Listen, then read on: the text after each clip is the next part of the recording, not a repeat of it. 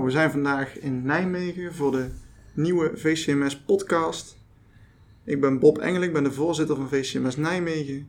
Naast mij zit Ruud van Hulst. Ik ben Ruud van Hulst, ik ben de penningmeester van VCMS Nijmegen. En vandaag hebben we bij ons te gast professor Dr. Stefan Berger. Ja, goeiedag allemaal. Inderdaad, mijn naam is Stefan Berger. Ik ben sinds 2005 hoofd van de afdeling mondkaak aangezichtchirurgie hier in de Radboud Universiteit in Nijmegen. En heb ook in 2005 vanuit de Universiteit in Bonn, waar ik ervoor negen jaar werkte, het 3D-programma eh, meegebracht. En dat dan hier als het 3D-lab eh, in eh, Nijmegen neergezet. Ja, fijn dat u vandaag eh, bij ons wil aanschuiven. Ik vroeg me af, kunt u ons iets meer over uzelf vertellen en waar u zelf vooral mee bezig bent en wat u in het dagelijks leven zoal doet? Ja, zoals gezegd, ik ben mondkaak aangezichtschirurg. Dat wil zeggen dat je uh, in het voortraject tandheelkunde en geneeskunde moet studeren. Dat uh, is in vele landen in Europa al heel lang zo. In Nederland is dat eerst sinds het einde van de 20e eeuw zo. Maar ondertussen betekent dat wel dat wij eigenlijk een staf hebben die nagenoeg alleen bestaat uit mensen die die dubbele vooropleiding hebben gedaan. Ik heb mijn tandheelkunde geneeskunde in Leuven in België gestudeerd. En kijk daar nog steeds met heel veel plezier op terug. Dat was een hele mooie tijd. Ik heb dan uh, na mijn opleiding in Saarbrücken gedaan. dat is op de Duits-Franse grens, ongeveer 150 kilometer onder Luxemburg. En um, daar heb ik mijn basis eigenlijk gekregen. En om dan ja, toch verder te kunnen doorgroeien naar de mooiere, meer gespecialiseerde chirurgie ben ik daarna negen jaar aan de Friedrich Wilhelms Universiteit in Bonn geweest. En daar heb ik dan in het bijzonder veel oncologische uh, chirurgie gedaan, in ook de microchirurgie, de reconstructies. En ben dan ehm, in een tweede fase eigenlijk met de schisis en de craniofaciale, dat zijn de schedelreconstructies, bezig geweest. En, het is ook daar dat ik mijn wetenschappelijke verdieping in, in die tijd heb eh, gelegd. En um, um, dat is uiteindelijk dan een beetje allemaal ontspoord in een 3D-traject, eh, wat um, in het begin van de 21ste eeuw ja, een klein golfje was, waar nog niet zo heel veel mensen in geloofden. Maar ik zat in een omgeving waar daar wel heel hard werd op ingezet. En uh, die golf die werd steeds maar groter en groter. Hè. En uiteindelijk ja, surfen we nu toch al bijna 20 jaar op die golf. En ja, dat heb ik ook, zoals zeker te merken is uh, in de rest van het gesprek, daar heb ik nog nooit spijt van gehad. Dat is echt een hele goede keuze geweest. En uh, ik geloof dat dat ook in de volgende 10, 15 jaar zeker nog um, een hele mooie toekomst heeft. Zo, je heeft al verteld over jezelf en ook hier 3D-lab die flink aan het opkomen is. Wat betekent het 3D-lab voor uw vakgebied en wat voor nieuwe mogelijkheden heeft het u gebracht en de afdeling?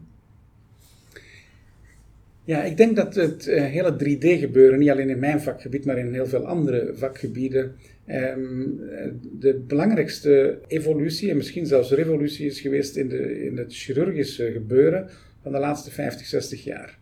Uh, dat zijn natuurlijk heel grote woorden, moet je voorzichtig zijn voordat je die uitspreekt, maar er zit een soort van systematiek in de ontwikkeling van de chirurgie die best interessant is. En je ziet dat er eigenlijk grote sprongen worden eigenlijk maar alle 50 jaar gemaakt. Dat is begonnen met Semmelweis, die zijn handen ging wassen.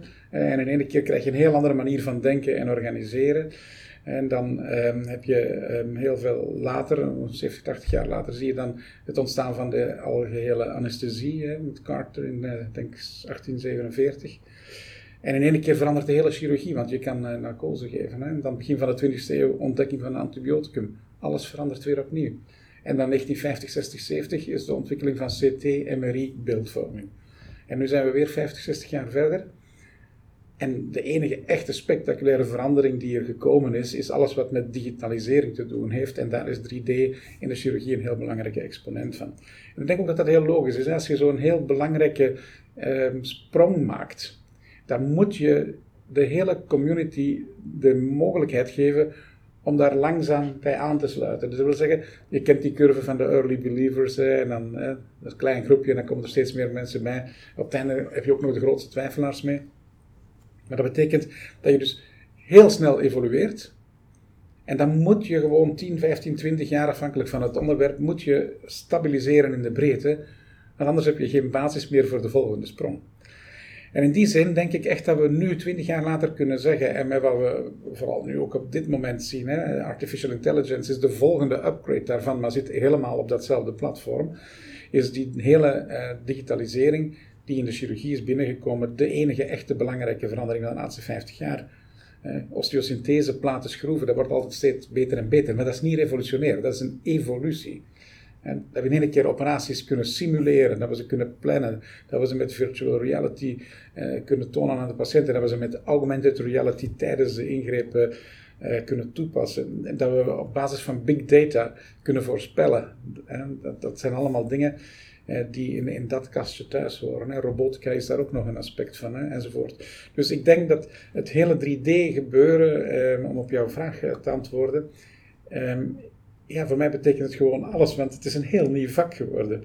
En daar heb ik echt vanaf het begin van mijn carrière graag gewerkt, want ik vind het gewoon leuk om met constructieve dingen bezig te zijn. Maar de laatste 10, 15 jaar zijn echt veel interessanter, spectaculairder en boeiender dan de eerste 15 jaar van mijn chirurgische carrière. Omdat je gewoon het geluk hebt, en dat hebben dus niet uh, alle chirurgen in hun carrière, dat je mag werken in een periode waar dat er zoiets aan het ontploffen is. En dat is fantastisch. Ik zie dat ook eh, bij mijn kinderen. Ik, heb, eh, ben ook vader van een groot gezin. Ik heb zes kinderen. En eh, twee oudste studeren geneeskunde. En als ik naar die vakkenpakket zie, ja, dat is natuurlijk ongelooflijk veel interessanter en boeiender dan we wij in de tijd moesten doen. Hè. Wij kregen in Leuven ook duizend pagina's wiskunde voor de, voor de voeten gesmeten. En, en, jullie zijn vanaf het begin bezig met artificial intelligence. Ja, dat is toch wel echt een verschil hoor. Dus in die zin, ja, 3D verandert de hele medische wereld. En eh, voor mij betekent het heel veel, vooral heel veel plezier. Ja, nou en ook de 3D-technologie, de revolutie zoals u dat noemt. Vaak begint dat dan ook wel bij de moeilijkste operaties, als ik dat zo mag aannemen. En komt het daarna een beetje naar de reguliere zorg. Ja, hoe is nou eigenlijk nu de implementatie van het 3D-lab in de reguliere zorg gegaan? En wat valt er nog te bereiken? Ja, dus het is heel scherp uh, geanalyseerd en dat klopt ook uh, voor heel veel groepen. En die fout dat je begint met de meest complexe casuïstiek hebben wij ook gedaan in 2005. Uh, toen we de eerste mogelijkheden hadden om onze patiënten driedimensionaal te documenteren en te analyseren en te plannen en over te dragen naar elkaar, hebben we echt iemand gekozen met een enorm scheef gezicht die een aangeboren afwijking had met een heel complexe reconstructie. En we hebben het helemaal doorgeplant en het is natuurlijk niet echt heel vlot verlopen. Maar we hebben relatief vlug begrepen dat het heel verstandig was om 100 patiënten prospectief te gaan documenteren met de meest simpele ingreep die we op dat gebied hebben. Bijvoorbeeld een onderkaak een paar millimeter naar voren zetten. Komt in Nederland heel veel voor. Je hebt heel veel mensen met een onderbeet.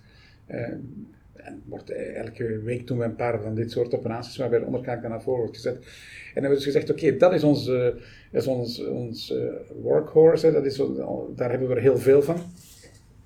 Dus laten we daar uh, maar eens goed op oefenen. En dan zijn we naar de bovenkaak gegaan. En dan zijn we naar de combinatie van onder- en bovenkaak gegaan. Dus ik denk dat dat een heel belangrijk aspect is in zo'n leerproces. Dat je ehm, inderdaad niet van heel gesofisticeerd moeilijk en dan pas naar de uh, algemene zorg gaat, maar dat je moet omdraaien.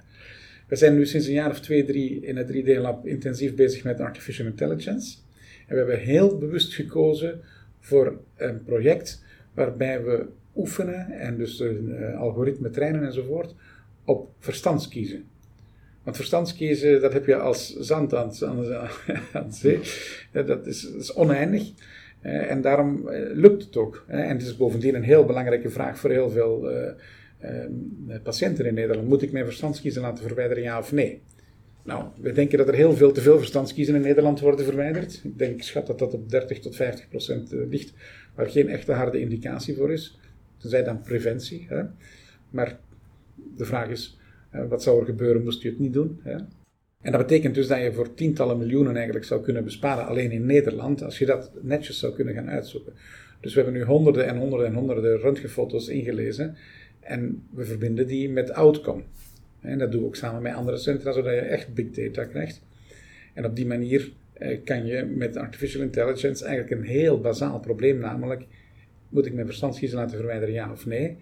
Kan je daar waarschijnlijk binnen een paar jaar een heel goed antwoord op geven dat een veel, veel grotere juistheid zal hebben als de tandarts of de mond aangezichtschirurg die zegt, ja, doe die ook nog maar doe die ook nog maar. dus we, we, werken aan een project waarbij we een, uh, een, een appje willen maken dat je met je telefoon gewoon bij de tandarts eventjes je röntgenfoto kan scannen en dat er meteen een advies komt waar je met je vier verstandskiezen moet laten doen. Dat gaat goed, dat project. En daarom eh, zijn we een stapje hoger gegaan en uh, gebruiken we nu de big data ook om gezichten te analyseren. Om te kijken, ehm, is het verstandig om in de bovenkaak te werken of in de onderkaak te werken of in beide kaken te werken enzovoort. Hè. En we proberen ook algoritmen uit om kaakgewrichten nu um, heel veel beter radiologisch in beeld te brengen, uh, zonder dat al die ruis erin zit enzovoort. En we hebben eigenlijk zo'n beetje een overkoepelend project, waarbij we proberen met Conebeam CT's, dat is een hele lage dosis eh, CT, met behulp van de algoritmes uit de AI-wereld, de kwaliteit van een CT te krijgen. En als dat lukt, dat lukt al voor bepaalde regionen van, de, van het aangezicht, ja, dan heb je echt wel impact. Hè? Dan ben je echt goed bezig. Dat betekent dat je dus naar de toekomst toe ehm, met een tinde van de straling een kwaliteit kan halen die je normalerwijze alleen met een hele mooie spiraal CT kan krijgen. Maar daar zitten dus mensen die zitten de hele dag algoritme te trainen om de oogkasanatomie op een Conebeam CT juist uh, te segmenteren, heet dat. En hetzelfde voor de kaakgewrichten. En als je al die puzzelstukjes in elkaar laat vallen, dan hebben we binnen een paar jaar hebben een algoritme dat je op knopdruk van een Conebeam CT gewoon een perfecte CT-kwaliteit gaat krijgen. Dus dat zijn um, inderdaad belangrijke um, ervaringen die we gemaakt hebben. We beginnen met brede, grote pools. Dan los je ook grote problemen op. En dat is ook iets wat wij heel fout doen in, uh, in Europa. En we stoppen veel te veel onderzoeksgeld in, in dingen die once in a lifetime voorkomen. En dat is natuurlijk wel fijn als die opgelost zijn, maar het zou veel verstandiger zijn om, om meer geld en meer uh, manpower te stoppen in dingen die, die er echt toe doen. Die veel maatschappelijk relevant zijn. En dat is best moeilijk. Ja. En hoe ver zijn jullie daar nu mee dan? Dat jullie zo'n app kunnen maken dat mensen een foto van hun verstandskiezen kunnen scannen? Um, ik denk dat we daar nog anderhalf à twee jaar nodig zullen hebben om dat op een niveau te doen waarvan we kunnen zeggen: dit is veilig. Hè? Jullie kennen allemaal de verhalen dat um, ondertussen de artificial intelligence in de pathologie bijvoorbeeld al lang de patholoog heeft ingehaald. Hè. We hebben zelf een aantal uh, andere onderzoeken ook gedaan. We hebben bijvoorbeeld een uh, algoritme getraind om uh, craniosynostose, dat zijn vergroeningen van schedelnaden bij kinderen, om die te laten scoren door het algoritme. Nou, daar hadden we een score die lag bij het maximum. En dan hebben we een heel aantal dokters dat laten doen. Nou, dat lag alles behalve bij het maximum. Dat zijn dingen, daar zie je, dat wordt veilig, dat is safe. Bij verstandskiezen heb je heel veel variabelen. Je hebt leeftijd, je hebt geslacht, je hebt roken, je hebt gezondheid, eh, je hebt de buurtanden. Eh, en je hebt ook nog het probleem dat het niet alleen de röntgenfoto is waarop je beoordeelt, dus daar moeten ook nog dingen bij betrokken worden enzovoort. Dus het is heel complex. En daarom zitten daar ook wel meerdere mensen natuurlijk aan te werken. Maar het fijne is ook eh, dat op dit moment niet zo uh, moeilijk is om goede samenwerking met bedrijven te vinden hiervoor. Zo doen we het ook samen met een commercieel bedrijf die eraan geïnteresseerd is. En meestal gaat het dan sneller ook. Dus ik denk 2022, durf ik wel denken dat dat in de loop van 2022 zou moeten, moeten kunnen werken. En ik, ik hoop en ik vermoed dat we dus die, die, appjes, die gaan we, uh, ik weet nog niet goed hoe dat we dat moeten doen of wat we daar gaan mee doen. Maar ik denk dat de zorgverzekeraars daar wel heel hard gaan in geïnteresseerd zijn. En als we dan aan de hand van het algoritme en natuurlijk ook met, uh, met uh, herhaling van, uh, van bewijs door andere mensen, door andere groepen, dat klopt en dat het juist is.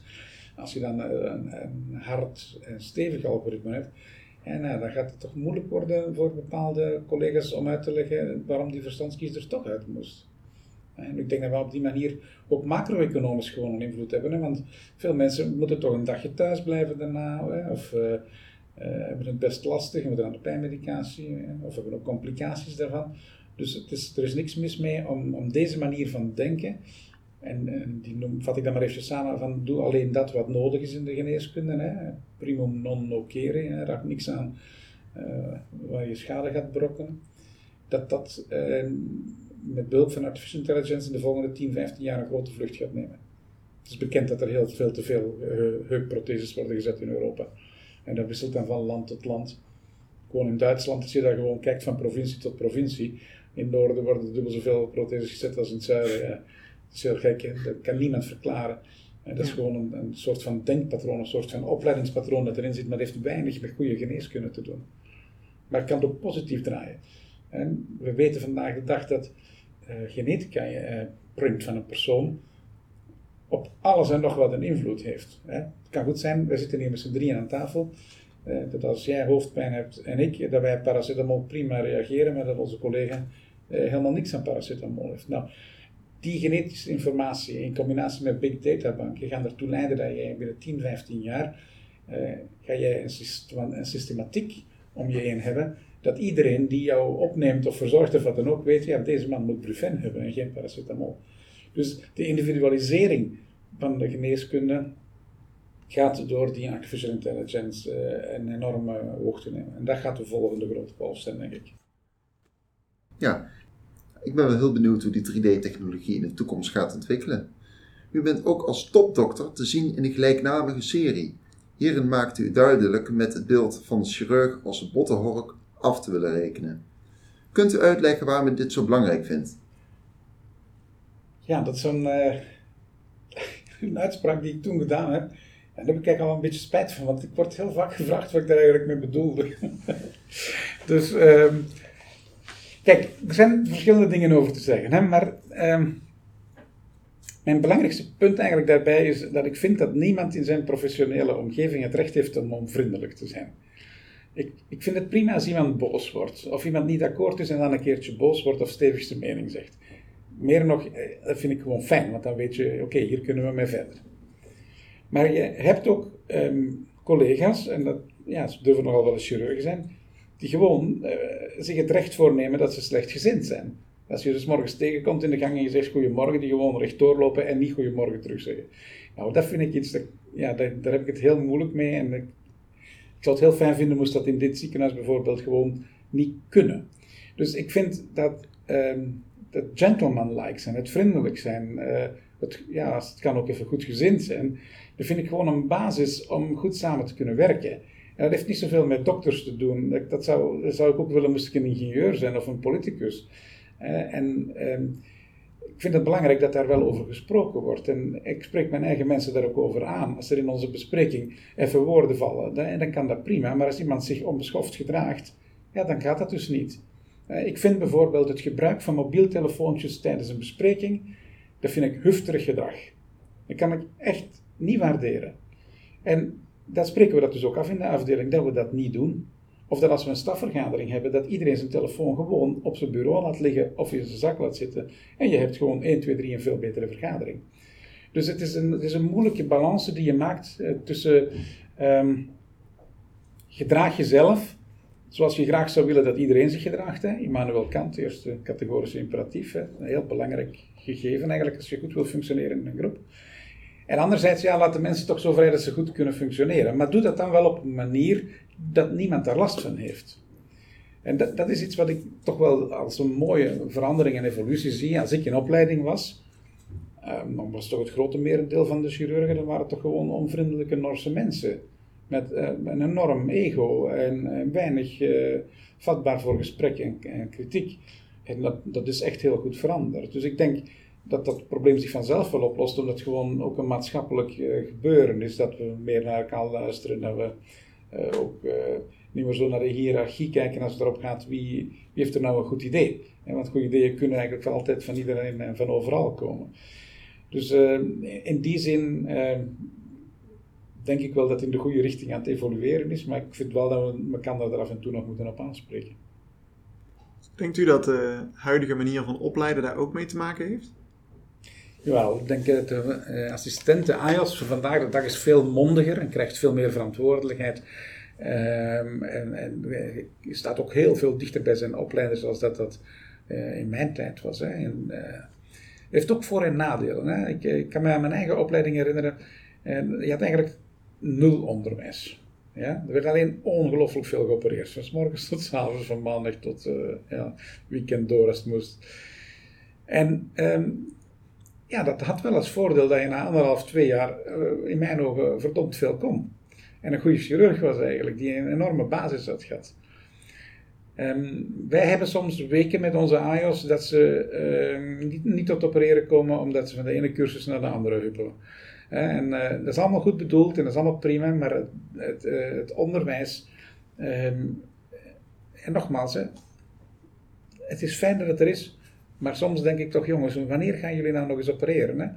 Soms heb je, dan hebben ze op een zondag uh, hebben ze dienst, dus moeten ze maandag compenseren. En dan is dinsdag is, is een DOO-cursus. En uh, woensdag is er landelijk onderwijs. En dan donderdag doen ze poli. En donderdagavond hebben ze dienst, dus vrijdag ze compenseren. Nou ja, dat is allemaal prima. En fijn dat je dat onderwijs hebt. En fijn dat je mag compenseren na de dienst. Maar ik had in de tijd, als ik mijn opleiding had, eh, misschien wel een stuk of 20, 25 operaties gedaan in die tijd. En dat zie ik toch wel als een, eh, een gevaar naar de toekomst toe. Ja, dus ik heb daar wel eh, ja, enige bedenken bij, of dat het allemaal wel zoveel beter is. Ik denk dat, um, dat het nu echt doorgeslagen is. Op dit moment, zoals het nu ook in het onderwijs en de opleiding geneeskunde het, het, is aan het doorslagen. We gaan, we gaan, binnenkort gaan we mensen opleiden die, die echt niet meer kunnen opereren.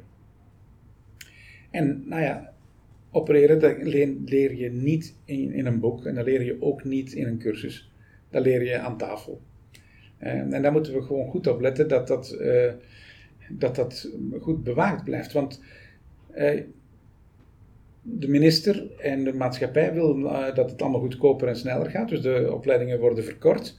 De compensaties worden massief verlengd. Het onderwijs verplicht uh, gesteld, de herhalingscursussen, de brandbluscursussen, de hygiënecursussen. Je wil het niet bedenken. Het is gek voor woorden. Het is allemaal zinvol. Niemand kan er iets tegenover zetten.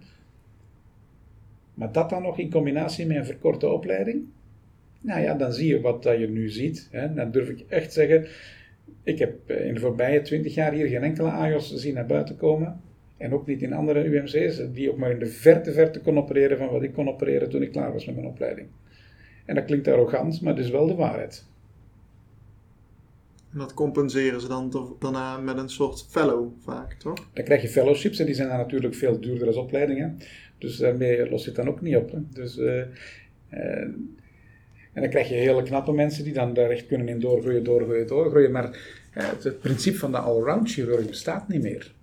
Hè? En uh, wij zitten in onze afdeling, uh, wij waren met een stuk of drie, vier chirurgen die echt alles konden in de mondkaak-aangezichtchirurgie. Nou, eentje daarvan is op pensioen, de andere die is met 60, 62 in een mooie bestuursfunctie gewisseld. En de, de derde gaat nu in juli op pensioen, dan ben ik nog alleen over. En ik, ik ben 56, ik bedoel, alles wat erachter komt, heeft in de, ja, is er nog één bij, eh, nog één of twee, onze oncologische chirurgen, die kan je ook zo goed als allround um, bestempelen. Maar het grote merendeel is dat helemaal niet.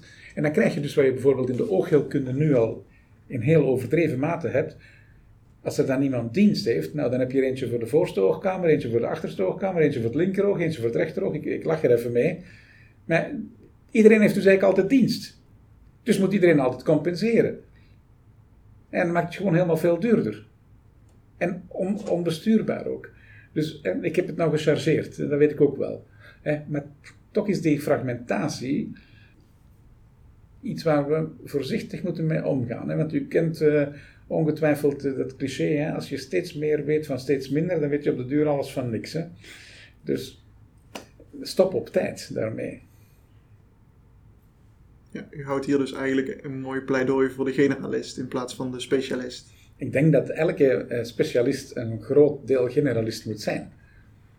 Ik was er ook een grote voorstander van, van mensen die bijvoorbeeld in de schiezes of in de craniofaciale chirurgie gaan werken, dat die eerst vier, vijf jaar in de oncologie werken. Omdat je daar echt heel veel meer dat gevoel en, uh, en, en die noodsituaties en, uh, en dat oplossend denken leert. En dat kan je alleen maar leren door te doen.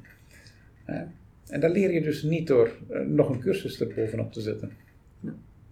U noemde net al even de schizisoperaties. Mm -hmm. uh, u doet daar zelf veel in. Uh, kunt u uitleggen hoe dat in zijn werk gaat bij kinderen die met een schisis komen? Ja, dat is heel fijn om, om dat hier in Nederland uit te leggen, want ik denk dat nergens in de wereld de schizenzorg zo goed geregeld is als in Nederland. Um, en het idee daarachter is het multidisciplinaire team. Hè. Dus je hebt een, een kernteam hè, met chirurgen, logopedisten, sociale werkers, orthodontisten en mensen die voor de beugelbehandeling zorgen.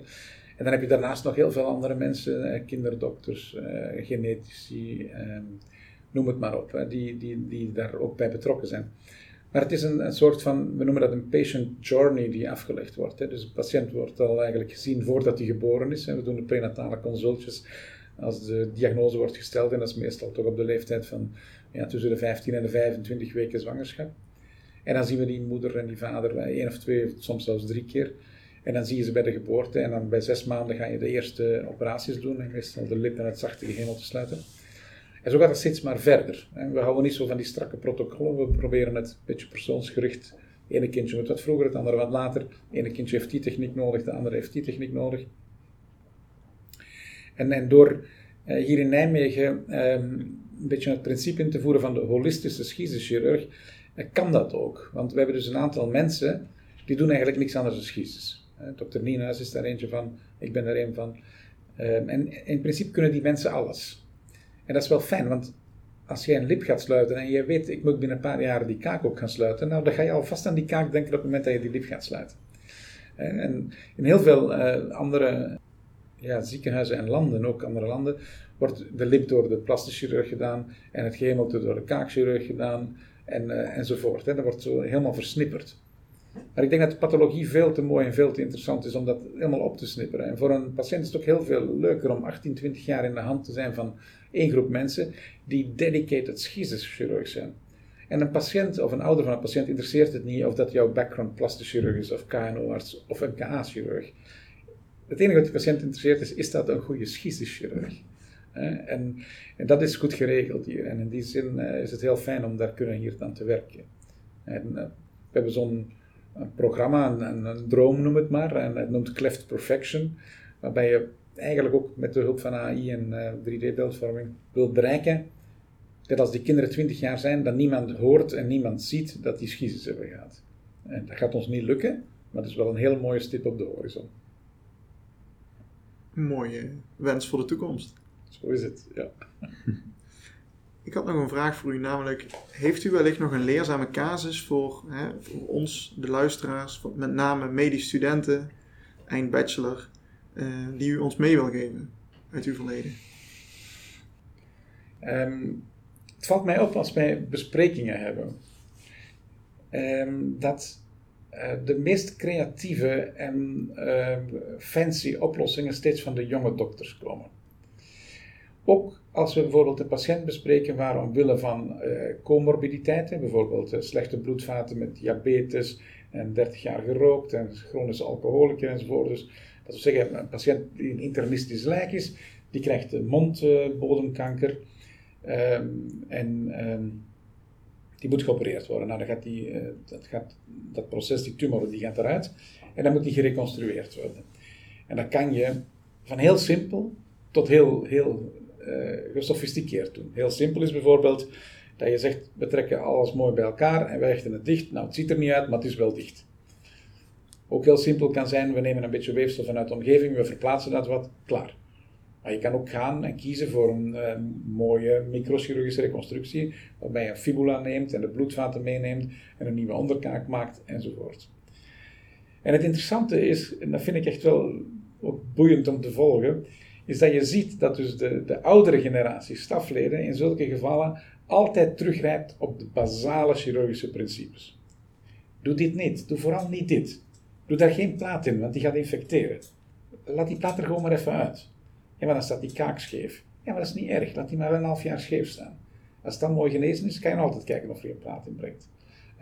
En dat, vind ik, vind ik in een chirurgische uh, ontwikkeling die mij zo doormaakt. vanaf je, ja, ik zal maar zeggen 25 en ik ben nu 56, dus ben 30 jaar zit je in die chirurgie. Dat je steeds beter eh, gaat begrijpen en inzien dat de basics de basics zijn. En dat die daarom ook basics heten. Dat je die nooit mag vergeten. En dat je daar kan op teruggrijpen als de boel in brand staat. Het is allemaal heel fijn en heel knap dat je ook die hele andere spectra kunt bedienen. Hè? En dat moet ook vooral zo. Maar zo gauw er een alarmbelletje in je hoofd gaat rinkelen van, ja, is dit wel de juiste patiënt? Op dat moment moet je het meteen opgeven. En zeggen, oké, we gaan een stapje terug op de behandelladder. Branden er nog rode lampjes? Ja, gaan we nog een stapje terug. Nog? Oké, dan gaan we helemaal naar de basics. We halen die tumor eruit en we gaan niks doen.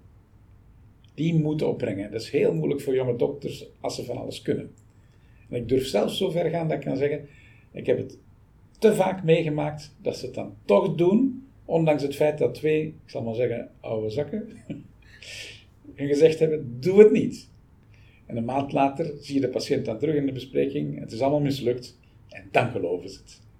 Dus het is een spijtige zaak in onze geneeskundige cultuur dat wij alleen de complicaties geloven die we zelf hebben meegemaakt.